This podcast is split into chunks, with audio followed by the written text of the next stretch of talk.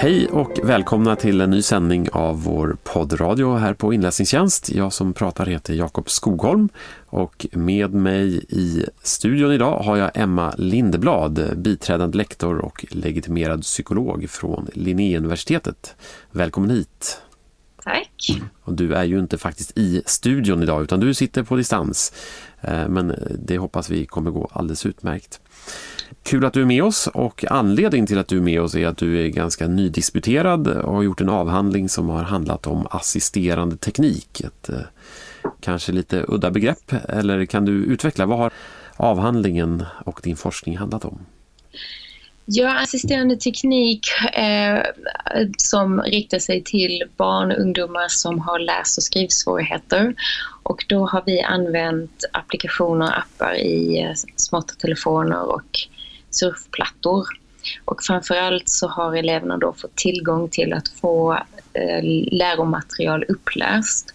Men de har också kunnat diktera in eh, uppgifter och svar på uppgifter i olika program som de sedan har kunnat kopiera och klistra in och skicka till läraren via mail eller sms. Och det här har vi då gjort för och eftermätningar på gällande deras läsförmåga och även en viktig aspekt, eh, det vill säga hur de mår och hur de ser på sig själva utifrån sin dyslexi eller sina läs- och skrivsvårigheter. Okay. Så assisterande teknik definierar ni då som olika former av eh, hjälpmedel inklusive ljudböcker men också andra vad heter det? Te ord till texttjänster och så vidare. En ja. ganska bred definition av assisterande teknik. Ja, vi, precis. Det är ju funktionen som är viktig, det vill säga att den stöttar och hjälper eleverna i sin inlärningsprocess. Men eh, vi i våra projekt just har vi använt appar, men det finns ju andra former av assisterande mm. teknik. Men vi har använt appar just det har vi valt för att vi vill att det ska vara behändigt och smidigt och lätt att ha med sig överallt. Mm. Just sin smarta telefon eller sin iPad. Då. Eh, och det tycker vi att eh, vi har lyckats med så har det också upplevts. Så det, men det ja. finns ju program i datorer och sådär också som har motsvarande funktioner. Ja, ja. Men då har ni tittat på två saker sa du. Dels hur barn mår, eh, liksom den sociala aspekten på det kan man tänka sig, men också hur det påverkar deras läs- och skrivutveckling och avkodning, eller hur? Ja, ja precis. Vil, vilken ände vill du börja med? För nu är man ju intresserad av vad ni har kommit fram till. ja, vi kan ju börja med eh, måendet, för det var där vi började. Och eh, då träffade vi eh, eller jag snarare, eh, 67 barn och ungdomar och Eh, de fick göra ett frågeformulär som då avsåg att mäta självbild, det vill säga hur man uppfattar sig själv och tecken på nedstämdhet eh, och eller oro. Och detta intresserade vi oss för just eh, på grund av att tidigare forskning, både nationell, alltså inom Sverige och internationellt, har visat att barn med de här svårigheterna generellt sett på gruppnivå mår sämre och beskriver sig själv mer negativt än eh, barn utan de här svårigheterna. Men våra resultat, framförallt i studie 1, då visade att eh, i en svensk skola så mår barn ungefär lika bra som eh, barn utan de här svårigheterna som vi då jämförde med utifrån en normgrupp. Och det här, det var, det här var redan innan ni påbörjade mm. er studie kan man säga, det här var ingångsvärdet? Ja, precis. Och det var utan att ni hade satt in några specifika åtgärder men de här barnen kanske ändå ja. hade tillgång till ett antal assisterande tekniker redan från, från början? Ja, det, det hade de ju och framförallt hade de ju tillgång till specialpedagogiska insatser av olika slag. Eh, men eh, det var kanske inte så vanligt att man hade uppläst material som mm. standard. men eh, vi kunde ändå säga att de inte påvisade några sämre resultat gällande mående självbild än vad man mm. tidigare hade sett då. Ja. Men det här är alltså lite banbrytande tänkte jag säga, för det här är en trend som man inte har sett i andra, både nationella och internationella studier, sa du? Ja, där brukar var... man påvisa motsatsen. Ja, precis. Man har visat, eh, men de senaste kanske fem åren så, där, så har man ändå kunnat skönja liksom en, en vändning, att det är någonting som som pedagoger, skolsystem, kultur, kulturella faktorer så att det är någonting som ändå har skett som gör att det är lite bättre förutsättningar för de här eleverna. Mm. För de utvecklar och, inte samma ohälsa som tidigare. Och den här studien ni gjorde, den här undersökningen, den gjorde ni ganska nyligen eller eh, fors ja, ja, doktorerat tar några år tänkte jag säga. Du... Ja, det gör ju det. Så det var ju ungefär 2012 som vi genomförde de här mätningarna. Okej. Okay. Det är ju ett tag sedan, men det går inte så jättesnabbt ändå eh, att ändra en samhällelig inställning. Nej. Så att på så vis är, de, är det kanske fortfarande giltigt. Åtminstone ser, ser vi ingen anledning att det skulle gå åt andra hållet, att de skulle må sämre igen. För några sådana åtgärder har inte satts in i skolan som skulle kunna förklara den utvecklingen. Så.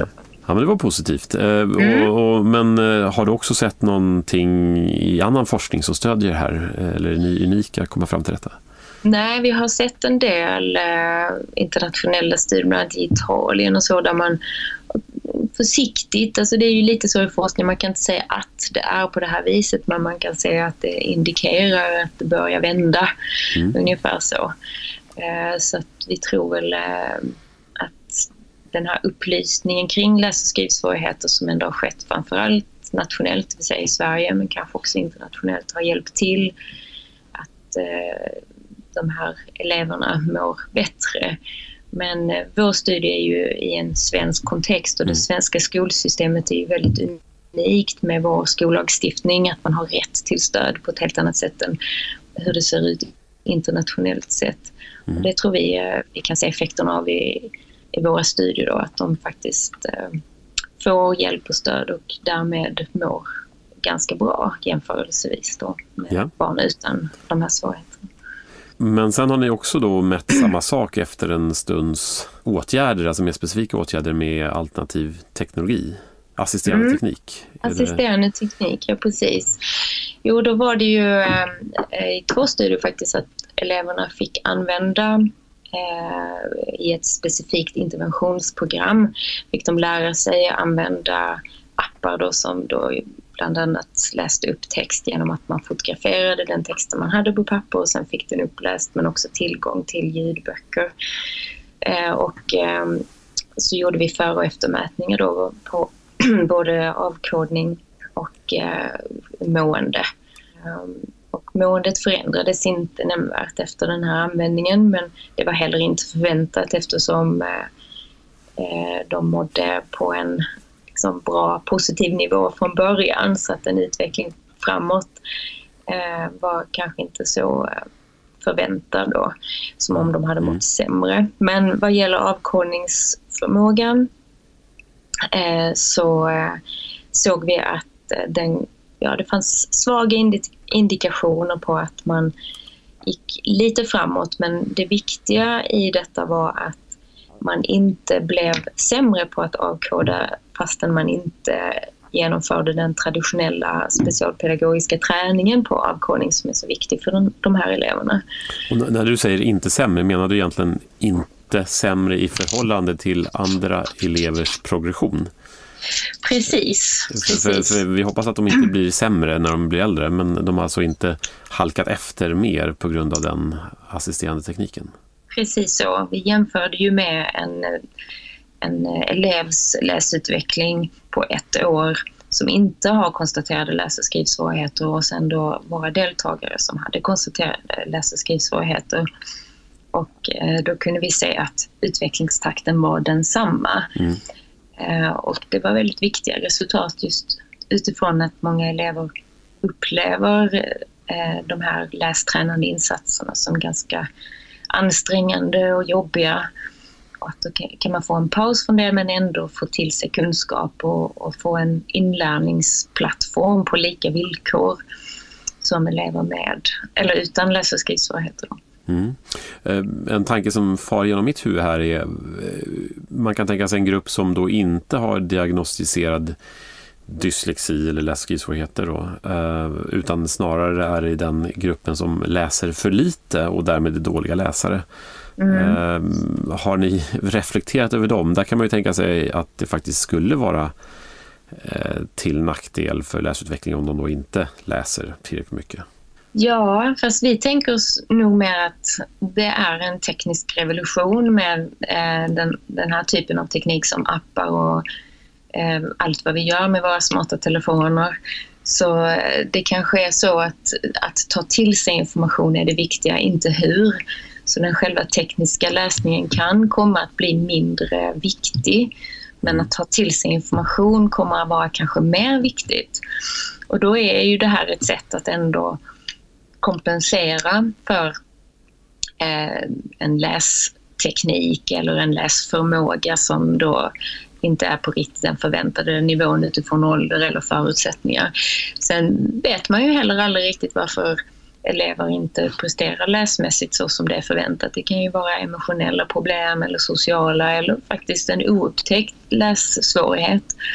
Men vi tror att eh, oavsett anledning till att man upplever läsning svårt eller har svårt att hänga med alltså, så kan eh, till exempel då ljudböcker vara ett bra alternativ och borde få kanske lite mer jämlik status för det viktiga är just hur man får till sig är inte hur man får till sig kunskap utan att man får till sig kunskap. Och mm. Kanske blir det en svängning i det så småningom när tekniken får mer fäste.